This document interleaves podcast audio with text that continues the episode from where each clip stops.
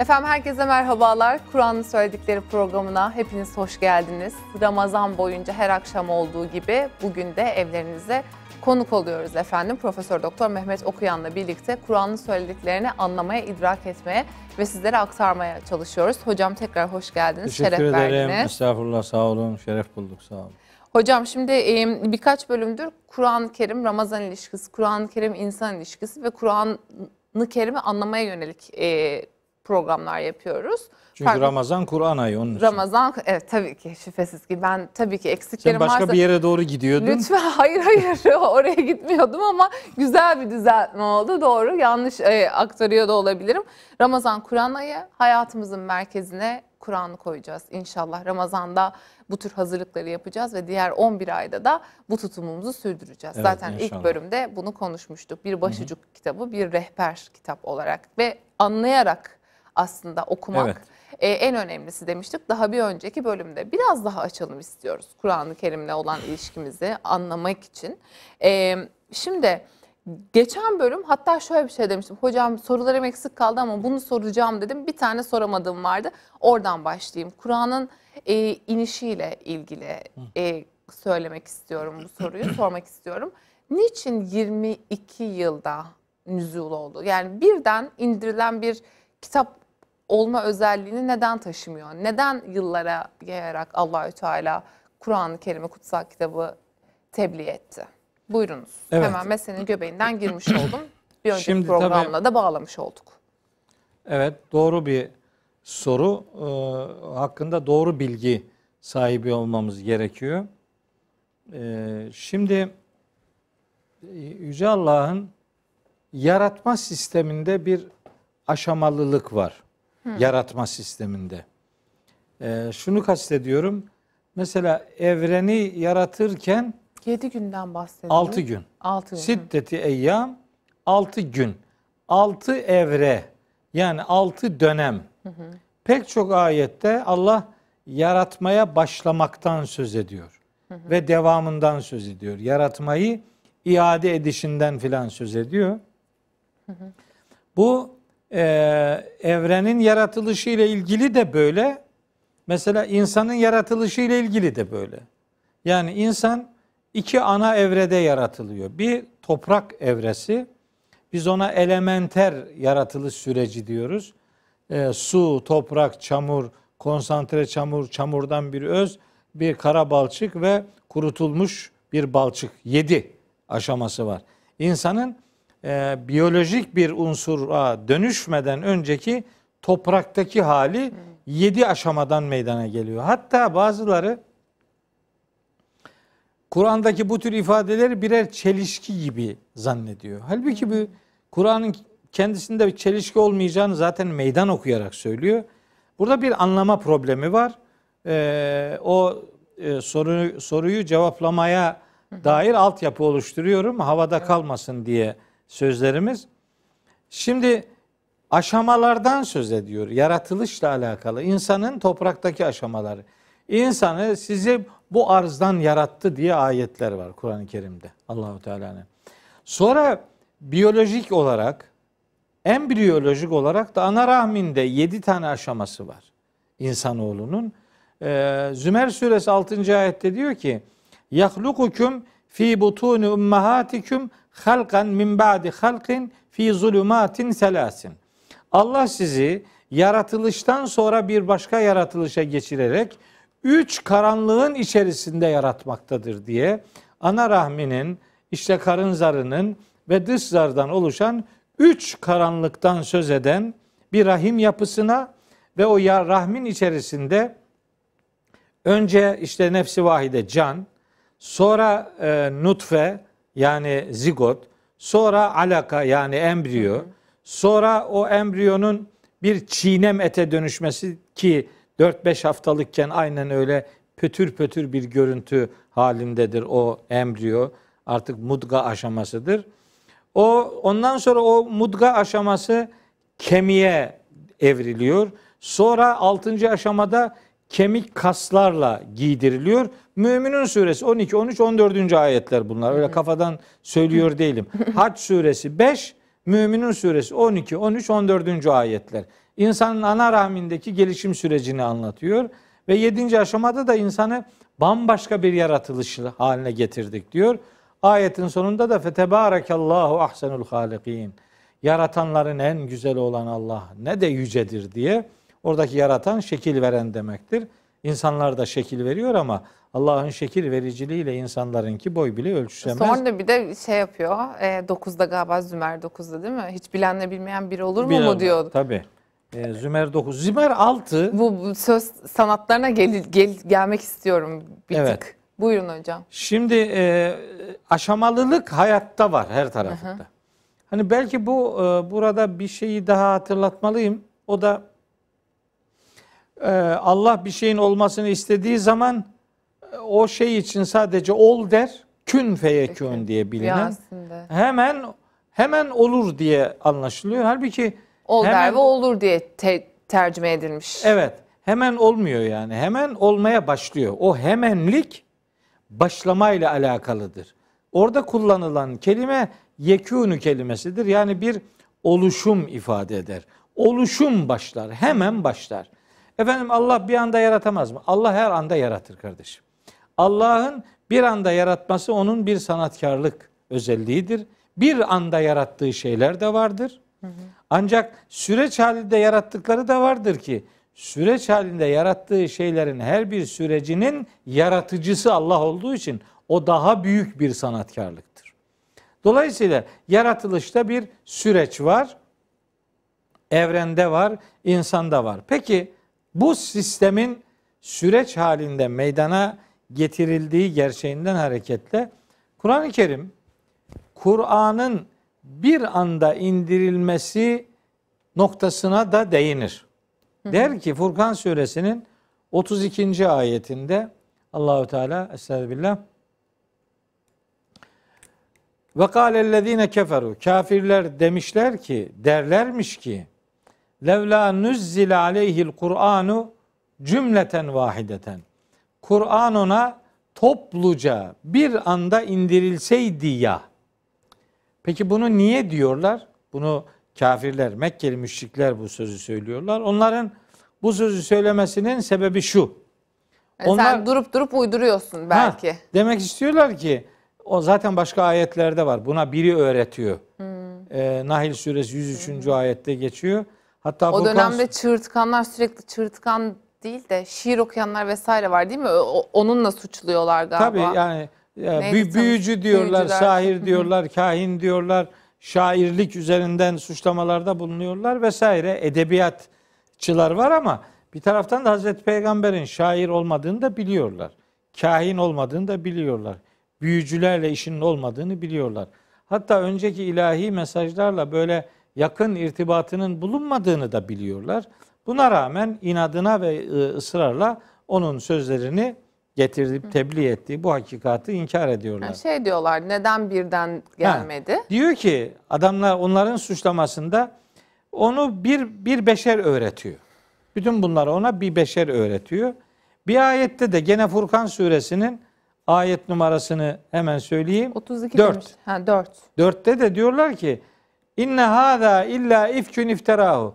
Bu onun söylediği şeyler onun iftira ettiği birer uydurmadır. Yani Kur'an için söylüyor Mekkeli müşrikler. Hatta ve aanehu aleyhi kavmun aharune. Onu ona başka bir topluluk da yardım ediyor.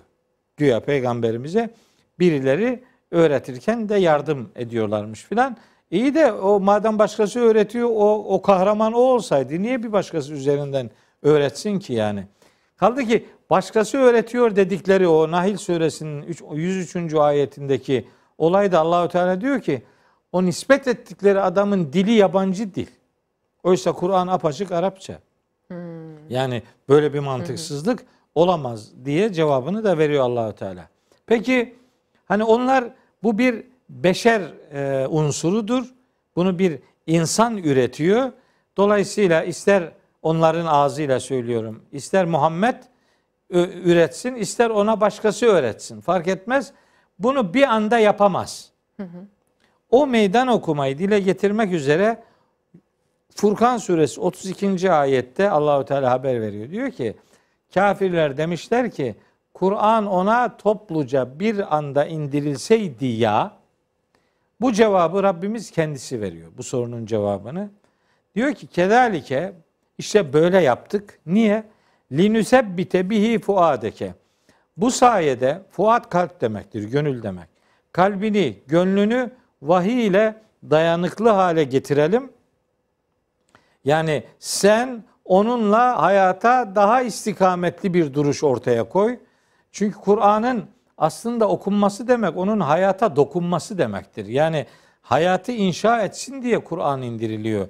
Bir anda indirilmesiyle değil, hayata okuna okuna Kur'an'ın surelerinin indirilişi e, devam ede gelmiş. Onun için yavaş yavaş okunmuş. Yani hayata dokunsun diye Kur'an yavaş yavaş indirilmiş. 22 yılda indirilmiş. Onun için pek çok ayetinin veya bir kısım suresinin indiriliş sebepleri vardır. Olaylar olmuş, olaylarla ilgili ayetler indirilmiştir. Sürece yayılmasının sebebi budur. Yani. Bir de belki bir önceki e, programda konuştuğumuz meseleler de hani okul meselesinin karşılığını konuşmuştuk ya üç farklı şekilde kullanılıyor diye özellikle mesela e, Kur'an okurken de din yaşanırken de anlaşılmak anlamak ve idrak etmek çok merkezde. Tabii. Dolayısıyla hani idrak edilsin diye yani bugün bile yani düz mantıkla baktığımızda bir şey oku, okumamız ayrı, idrak etmemiz ayrı oluyor. İdrak için bir hani e, sindirme süresine de belki ihtiyaç var. Yani düz bir metin değil elbette hı hı. E, ama Kur'an başka meydan okumalara da sahip. Mesela ha mesela di, burada şunu sorayım mı hocam e, konuyla alakalı? E, nasıl bir dil, nasıl bir üslup, nasıl bir meydan okuması var Kur'an'ın? Evet. Kur'an'ın meydan okuması 5 e, ayette var. Hı hı.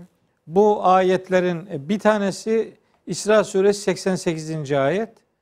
E, bir tanesi Tur suresinin 33 ve 34. ayetleri. Bu iki ayette Allahu Teala diyor ki İsra 88'de özellikle diyor ki Kul le in ictema'atil insu vel cinnu ala en ye'tu bimisli hazel Kur'ani la ye'tune bimislihi ve lev kana ba'duhum li ba'din zahira.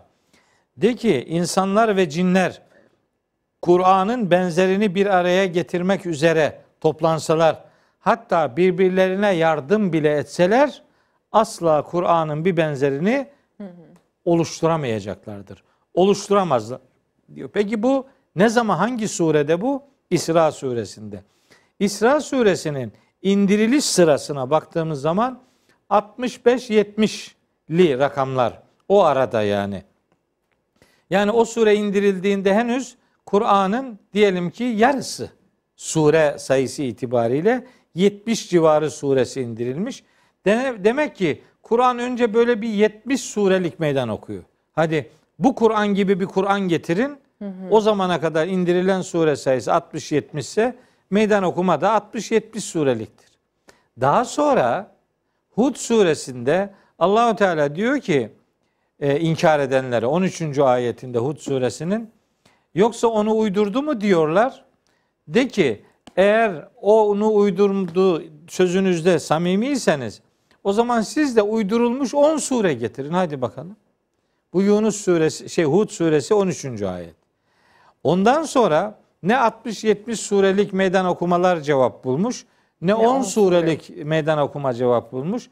Yunus suresinin bu defa 38. ayetinde bir surelik meydan okuma var. Kul fe'tu bi suretin mislihi.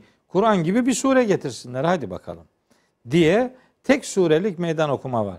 Üstelik bu meydan okumalarda öyle çok uzun sureler de yok. Henüz çok uzun sureler inmemiş. Onlar Medine döneminin sureleridir. Hiçbirine e, böyle meydan okuma noktasında herhangi bir cevap asla ve asla verilememiştir. Bütünü indirilse de bütünü üzerinden meydan okunsa bu daha imkansızdı. Bir sure üzerinden bile meydan okuma gerçekleştirilmiş olmasına rağmen ne Mekke'deki müşriklerin ne Medine'deki kitap ehlinin ya da münafıkların ya da orada da müşrikler var. Onların hiçbiri Kur'an'ın bu meydan okumasına karşı bir e, eylemle herhangi bir metin getirememişler. Bir iki tane teşebbüs olmuş. Fakat o teşebbüs edenler de çok uyanık milletin e, yutacağını zannetmişler herhalde. Hani Kur'an'da var ya el kariatu mel kariatu ve ma edrake mel kariatu ona uydurmuş. Demiş ki işte el fiilu mel fiilu ve ma edrake mel fiilu hurtumuhu tavilun işte hortumu uzundur filan gibi bilmem ne. Böyle bir benzetme güya bir şeyler yapmışlar. Ama bu tabi elbette vahiy olmadığı için de herhangi bir tutar tarafı olmamış. Hiçbir kabul ortaya Şimdi bu konulmamıştır. Son verdiğiniz ör- ö- örnekte bir önceki programda da konuşmuştuk. Ma edrakelerden bahsetmiş oldunuz aslında biraz. Oraya da Evet. gittiniz. Onu O biraz başka. açalım. Başka bir şey ama çünkü Kur'an nasıl bir kitaptırı sorgularken bu söz sanatlarına da biraz değinelim. Biraz Evet. daha açalım o parantezi istiyorum bu bölümde. Ama buraya girmeden hocam bir soru daha. Bunun da cevabı kısa olacaktır diye umut ediyorum. Mesela Mekke'de ve Medine'de nazil olmuştur ayrımı da vardır Evet. Kur'an'da. Mesela bunun, Evet. bu vurgunun sebebi nedir? Çünkü Hani nüzulunu anlamak için mi? E, birkaç şey anlamak için bir e, teknik bilgi verelim. Kur'an-ı Kerim bir 114 suredir. Teknik bilgi vereyim oradan onu da cevaplayacağım. 114 su- 114 bağımsız bölümden oluşmuştur Kur'an-ı Kerim. Nasıl bir kitaptır sorusunda Şunun cevabını cevabı, evet. veriyorsunuz. şu Teknik bilgi verelim. Bu arada bir yanlış, yaygın yanlış olan bir şeyi de düzeltelim. Kur'an ayet sayısı da 6666 filan değildir. Evet evet. Kur'an-ı. Kerim'in ayet sayısı 6236'dır. 6236 altını çizerek bir daha vurguluyorum. Çünkü koca koca adamlar 6666 ayetti falan diyor. 6666 değil. Hani Kıraat eksikliğinden. e, rahmetli İdrak, idrak etmeden okuduğumuz için. Yani merak edip sayılmamış mesela. Onun sebebini de söyleyeyim. Ee, rahmetli Cem Karaca'nın bir şarkısı vardı. Yani gökten inen 6666 var diye öyle bir e, şarkısı vardı. Allah ona da rahmet eylesin bütün e, imanla göçmüş kardeşlerimize. 6666 diyen de aslında yanlış demiyor esasında. Fakat o 6666 rakamı başka rakamlar da var. 15'e yakın farklı rakam var. Niye bu farklı rakam işi nereden çıkıyor? Şimdi sen bilirsin mesela e, Kevser suresi 3 ayet. Ama bir satır. Bir satır 3 ayet. Asır suresi 2 satır 3 ayet. E, Nasır suresi 2 satır 3 ayet. 3 ayet. E, İhlas suresi 1 satır 4 ayet. Evet. Ama Kur'an'da mesela böyle 2 satır, 3 satır, 4 satır, 5 satır, 10 satır, 15 satır olup tek ayet diye numaralanan örneğimiz var. Hangisi? Mesela Bakara suresinin 282. ayet. Bir bütün sayfadır ve tek ayet olarak numaralandırılmıştır. Numaralandırma tekniğine göre bazı ayet numaralandırıcıları uzun ayetleri cümle cümle bölerek farklı numaralar elde etmişlerdir. Bazı Kur'an numaralandırıcıları da kısa ayetleri bütünleştirerek bir ayet saymışlar. O ayet rakamlar telaffuz edilince bulunan rakamlardan biri de 6666'dır. Yani zinhar yanlıştır demiyorum. Yanlış değil ama. Değil mi? Ama evet. bir te- sadece bir tekniğin ulaştığı rakamdır. Kimin ulaştığı da çok net değildir. Şu an yeryüzünde, dünya üzerinde basılı olan Kur'an-ı Kerim nüshalarında surelerin ayet numarası verilerek basılı olan Kur'an nüshalarının hepsinde Kur'an surelerinin toplam ayet sayısı besmeleler hariç 6236'dır. Besmeleler dahil olursa 6348'dir. Yani rakam kesinlikle budur. 6606 rakamının nereden çıktığını da ifade etmiş oldum. Efendim 6666 dese ne zarar var? Zararı var artık. Niye? Çünkü adam diyor ki bir takım ateist çevreler var. Bir takım ne bileyim dine mesafeli insanlar var. Kur'an'a hakaret ediyor mesela. Diyor ki inandığınız kitabın kaç ayeti var? Bizimki de hiç düşünmeden bak 6666 diyor. E say diyor. Sayıyor çıkmıyor. 430 tane eksik çıkıyor.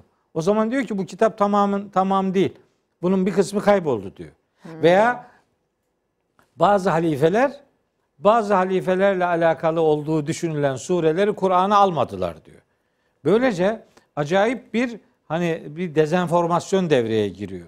Şimdi böyle 6666'yı tekrarlamaya ya da bunu işte kitaplara yazmaya gerek yok ki.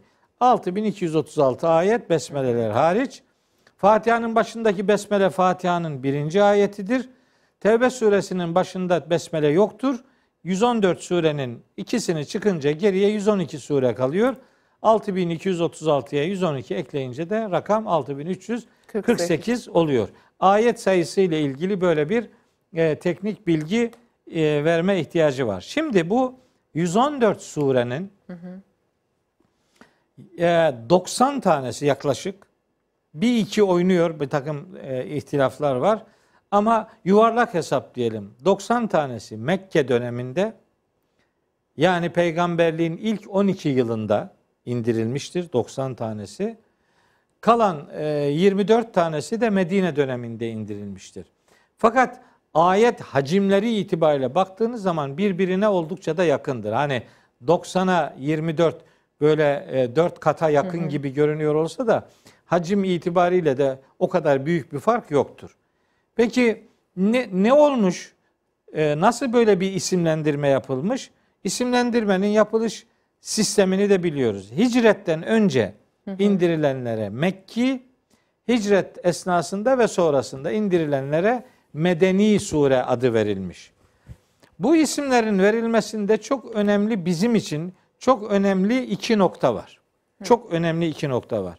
Bu noktalardan biri biz Mekke surelerine bakarak Kur'an'ın hangi konuları öncelediğini görürüz. Yani o 114 surenin 90 tanesinde hangi konular ele alınmış? Bu kitabın toplum inşasında nelere öncelik verdiğini o Mekki surelerden öğreniriz. Biri bu. İkincisi ise Mekki sureleri bilmekle bazı Kur'an kavramlarının Mekke döneminde ifade ettiği manalarla Medine döneminde kazandığı yeni manaların farkını gözetleriz. Hmm. Şunu demek istiyorum. Yani, yani çok soyut olmasın. Yoruma da açım mı diyor? Bir Kur'an. açılım, bir açılım getiriyor. Bir açılım getiriyor. Mesela, yani o zaman yenilikçiliğe açık aslında. Onu da diyelim çeşitlilik üzerinden mesaj veriyor. Düşünün Aha. mesela cihat kavramı. Mesela. Hmm. Cihat kavramı Mekke dönemi surelerinde geçiyor. Evet. Medine dönemi surelerinde de geçiyor. Ama o kavram eğer Mekke dönemi surelerinde geçiyorsa bilinmelidir ki o kavramın içinde o sureler bazında fiili savaş manası yoktur. Cihadın fiili savaş manası Medine dönemi surelerinin konusudur. Yani siz bunu bilmezseniz diyelim ki Mekke döneminde e, diyelim ki Ankebut suresini okuyorsunuz. E vellezine cahedu fina bizim uğrumuzda cihad edenler. Mekke'de öyle bir savaş cihadı yok. Oradaki cihat fedakarlık yapmak demek. Çaba sarf etmek, gayret ortaya koymak demek. Mesela e, var gücünü ortaya koymak, bir şeye zorlamak. Hatta en büyük cihat Kur'an'ı anlatmak diye tarif edilir Mekke dönemi surelerinde. Medine dönemi surelerinde de bu anlamı vardır. Bu kavramın bu anlamları vardır. Ama Medine döneminde fiili savaş ortamı da yaşandığı için saldırganlara karşı kendini savunma anlamında fiili savaş anlamı da vardır. Siz bir sure Mekki midir, Medeni midir bunu bilirseniz içindeki o kavramlarda Allah'ın asıl kastettiği anlamın hangisi olduğunu fark edersiniz. Eğer bunu bilmezseniz dolayısıyla her geçen kelimeye her geçtiği yerde aynı anlamı vererek korkunç bir hata yaparsınız. Bu Mekki medeni ayrımını böyle ifade edelim. Hani sözün burasında mutlaka değinmek gerekir. Ee, Mekki medeni surelerin hani Mekki diye isimlendirilen surelerde hangi konular önceleniyor bunu biliriz dedim. O konuları da söyleyelim. Evet. Hangi konular var Mekke dönemi surelerinde? Şöyle genel bir ayrım yapıyoruz. Genel bir Böylece ayrım. Kur'an'ın bize ne söylediğinde biraz daha açmış oluyoruz. Tabii. Siz Kur'an'ı böylece yani hangi surede ne okuyacağınızı bilirsiniz, anlarsınız. Bu surede ne elde edeceğim? O sizi O ön bilgi sizi Kur'an'la daha doğru buluşma noktasında hazırlamış olur. Eğer bir sure Mekki ise bileceksiniz ki bu, bu surelerde bir, Allah inancı, tek Allah inancı, Allah'ın kadir oluşu, kudret sahibi oluşu üzerinde vurgu bulacaksınız. Bir, iki, melek inancına vurgular bulacaksınız. Üç, peygamberlik kurumuna dair o kıssaların neredeyse tamamına yakını Mekke dönemi surelerinin o iman konusudur. şartlarına gidiyoruz galiba. Gidiyoruz tabii. Hmm. Zaten bu dinin asıl amacı önce inancı inşa etmektir. Hani ahlakı konuştuğumuz hı programda da söylemiştim.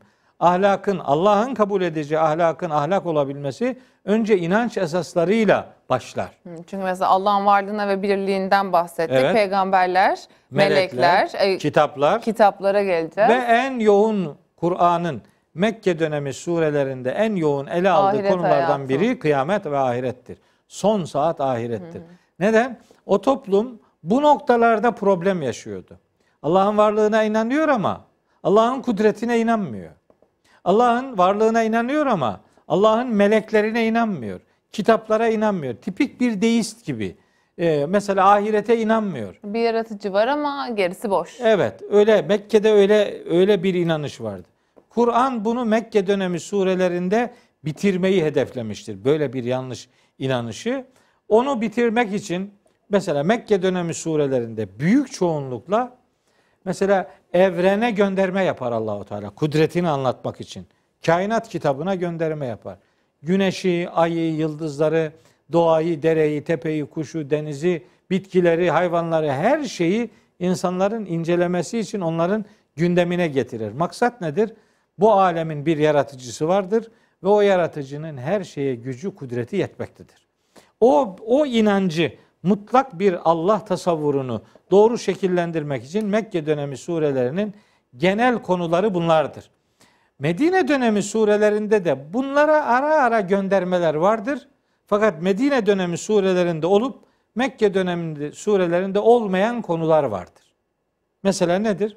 İbadet hükümlerinin detayları. Hmm. Mesela zekatın kimlere verileceği.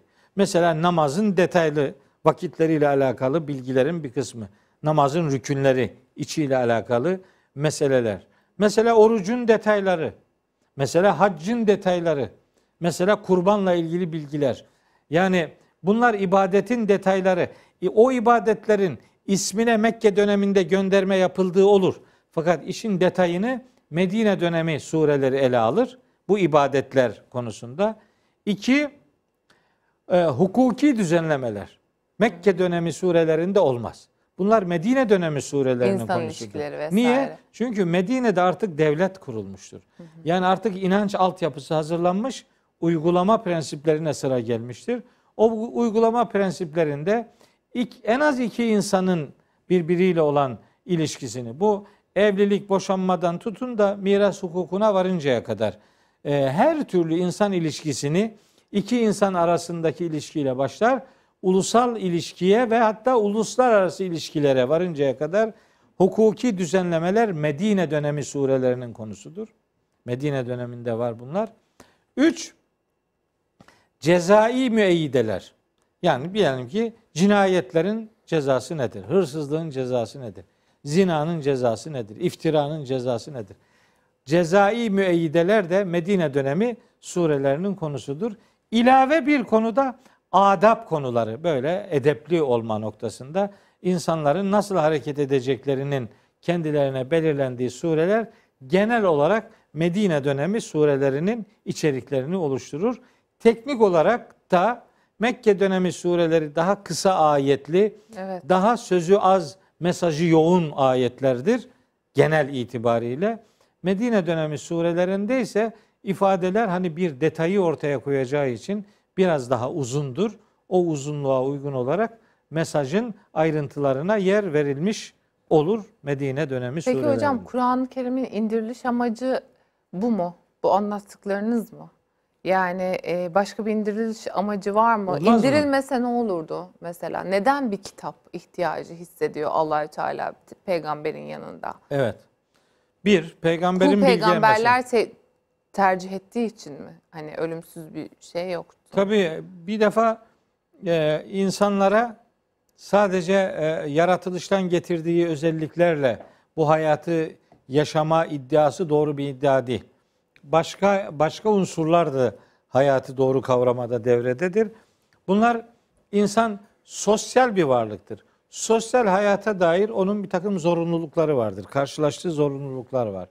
Sosyal hayatın düzene kavuşturulması gerekir. Yani hiç kimse kendi aklına, kendi kafasına estiği gibi kendine göre bir takım e, kurallar belirleyerek toplumsal hayatta yaşayamaz. Toplumsal hayatın ortak bir değer üzerinden tanımlanması gerekir ki bu hayat uyumlu bir şekilde yaşansın. Yoksa e, hani e, keşmekeş olur. E, ne bileyim fesat ortaya çıkar. Darma duman e, herkesin kendi kafasından üreteceği bir e, bir adres belirir ve hiç kimsenin nereye nasıl gideceğine dair bir çıkış yolu bulması mümkün olmaz. Hı hı. Onun için Allahu Teala insanlara insanları yaratan o olduğu için neye muhtaç olduklarını da o bilir. Allahu Teala bir insanın inanca muhtaç olduğunu biliyor. Çünkü insan o yaratmıştır. İnsanın bir aidiyet duygusuyla bir üstün güce güvenme ihtiyacında olduğunu biliyor. Bu güvene uygun olarak bir şeyleri hayatına taşıma görevi üstlenmesi gerektiğini biliyor. Yaratıcı biliyor insan için. Onun için inanç esasları belirlemiştir. İnsan inanmadan yaşayamaz. Doğru şeylere inanmıyor olsa bile onun inandığı bir şeyler mutlaka vardır. Yani insanı insan yapan en önemli değerlerden bir tanesi inancıdır. İnançsız olmaz. Peki neye inanacağını nereden bilecek? İşte o peygamberlerin tebliğ ettiği kitaplardan öğrenilir. Yaratıcı kudretin var olduğunu nereden bilecek? O yine bir peygamber aracılığıyla sunulan kitaptan öğrenilir.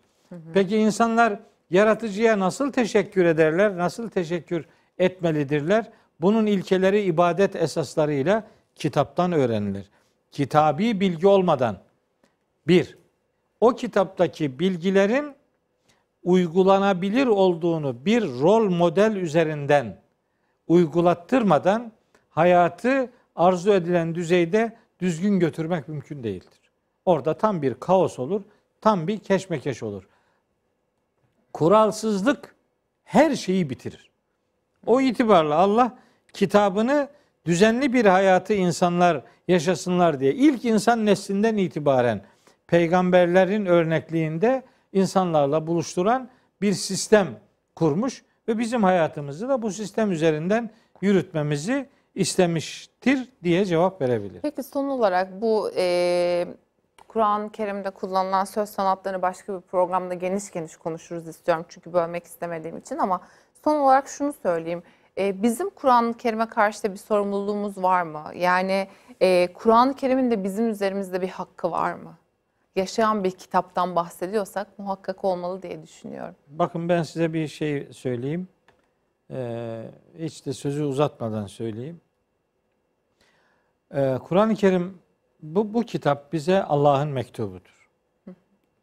Her mektubun bir yazılış gayesi vardır. Gönderiliş gayesi vardır. Bu mektubun da gönderiliş gayesi var. Nedir? Bir, gönderenini tanımak. İki, mektubun göndereninden kaynaklanan önemine hürmet etmek. Üç, neler yazıldığını görmek.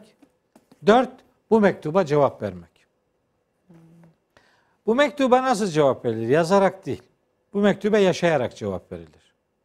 Bu mektup sadece okunmayla gönderiliş gayesi yerine getirilmez. Hani ilaçlar doktorların eliyle reçeteler üzerinden servis edilir. O doktor sana reçeteyi yazar veya evet reçeteyi yazar. Siz gider ilacı alırsınız. Prospektüsünü okursunuz. Nasıl kullanılacağına dair detaylar öğrenirsiniz.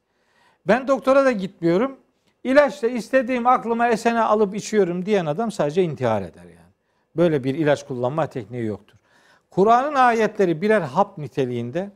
Çünkü Kur'an-ı Kerim bir hayat kitabıdır. Yani bu hayatın nasıl yaşanacağını öğretir. Bu kitap insanlara hayatı zindan etmek için indirilmiş bir kitap değildir. Hayatı daha insanca, daha kolay yaşamaya dair ilkeler ve prensipler içerir. Bizim buna dair sorumluluğumuz bunun bunun bizden istediğini yerine getirmemizdir. Kur'an'a dair sorumluluğumuz aslında Allah'a karşı sorumluluğumuzdur. Çünkü Kur'an'ı gönderen makam Rabbimizin kendi makamıdır. O makamdan gelen buyruklar bize hayat rotası öğretiyor. Sen bilirsin şeyi Bakara suresinin başında Elif Lam Mim Zalikel Zalikel kitabu kitabu. la raybe fihi sonra Sonrasında evet. Hü- Hüden lil muttakin. evet. Hüden lil muttakin ne demek? Hüden. Hüden rehber demek. Kur'an rehber olsun diye gönderilmiştir. Yani kılavuzdur. Yani yol gösterir. İsra suresinin 9. ayetinde diyor ki Rabbimiz İnne hazel Kur'ane yehdi lilleti hiye akvem. Muhakkak ya bu Kur'an tek doğru yola insanları rehberlik eden kitaptır.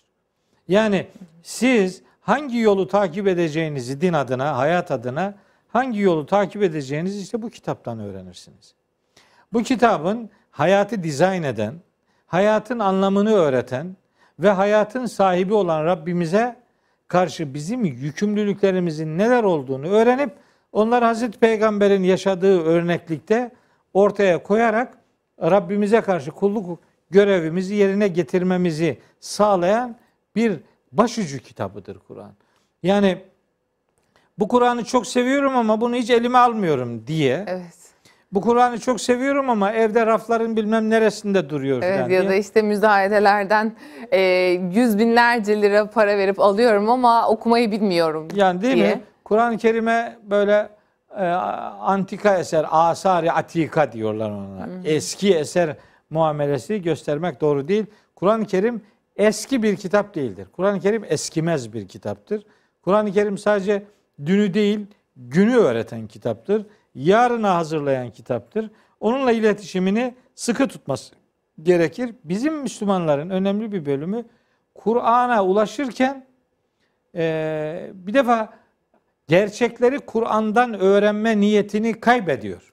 Çünkü sadece okuyor, anlamıyor.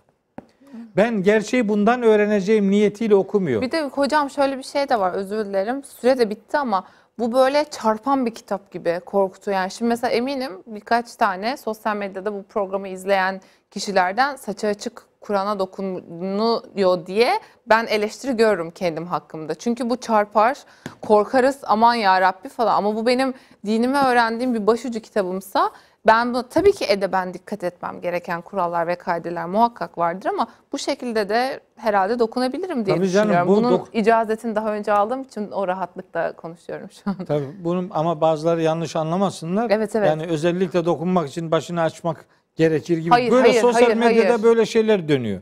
Ya alakası yok kardeşim ben seninle yaptığımız programlarda defalarca Evet. mesela başörtüsünün Allah'ın emri olduğunu haykırmış bir adamım. Ama onu takmayan sadece günahkardır. Başını ta- örtmeyenin Kur'an'la irtibatını herhangi bir şekilde minimize etmeye kimsenin hakkı Evet. yok. Bunu vurgulamaya Abdestsiz çalışıyorum. mesela dokunulmaz diyor ya. Kardeşim abdestsiz abdestsiz de olsa dokun be. O zaman kadınlar mesela özel dönemlerde dokunamayacak. Öyle mi yani? Tabii ki dokunsun. Yani hiçbir engeli yok. Buna abdestli dokunmak bir saygı gereğidir. Yani Allah'tan gelen mektuba karşı hani biz namazda, Edeben dedim ya onu Evet, nama- altını çizdim. namazlarda mesela seccade kültürümüz var bizim. Niye? Namaza hürmeten Evet. kardeşim. Bir de ayrı bir yer temizliğe daha Ben da dikkat Başka bir edeyim şey diye, yapıyorum evet. diyorsunuz değil mi? Yani bir önem veriyorsunuz. Bu da Allah'ın kelamıdır. Yani bunu Peki. alırken bir, bir başkalık, bir başkalaşım hissetmek lazım. Buradan ilanen söylüyorum. Abdestim yok diye kimse Kur'an'a mesafeli durmasın. Kur'an dokunulsun diye indirilmiş bir kitaptır. Dokunulmasın diye indirilmiş bir kitap değildir. Müslüman olmayan bir adam o zaman bunu hiç eline almayacak demektir yani. Oysa onun Müslüman olması için ilkeler getiren bir kitaba dokunulmaz muamelesi yapmak bu kitabın içerikleriyle henüz tanışmamış olmak gibi bir sonucu verebilir. Pekala hocam ağzınıza sağlık. Efendim sizlere de çok teşekkür ediyoruz. Yarın tekrar görüşmek üzere. Hayırlı Ramazanlar.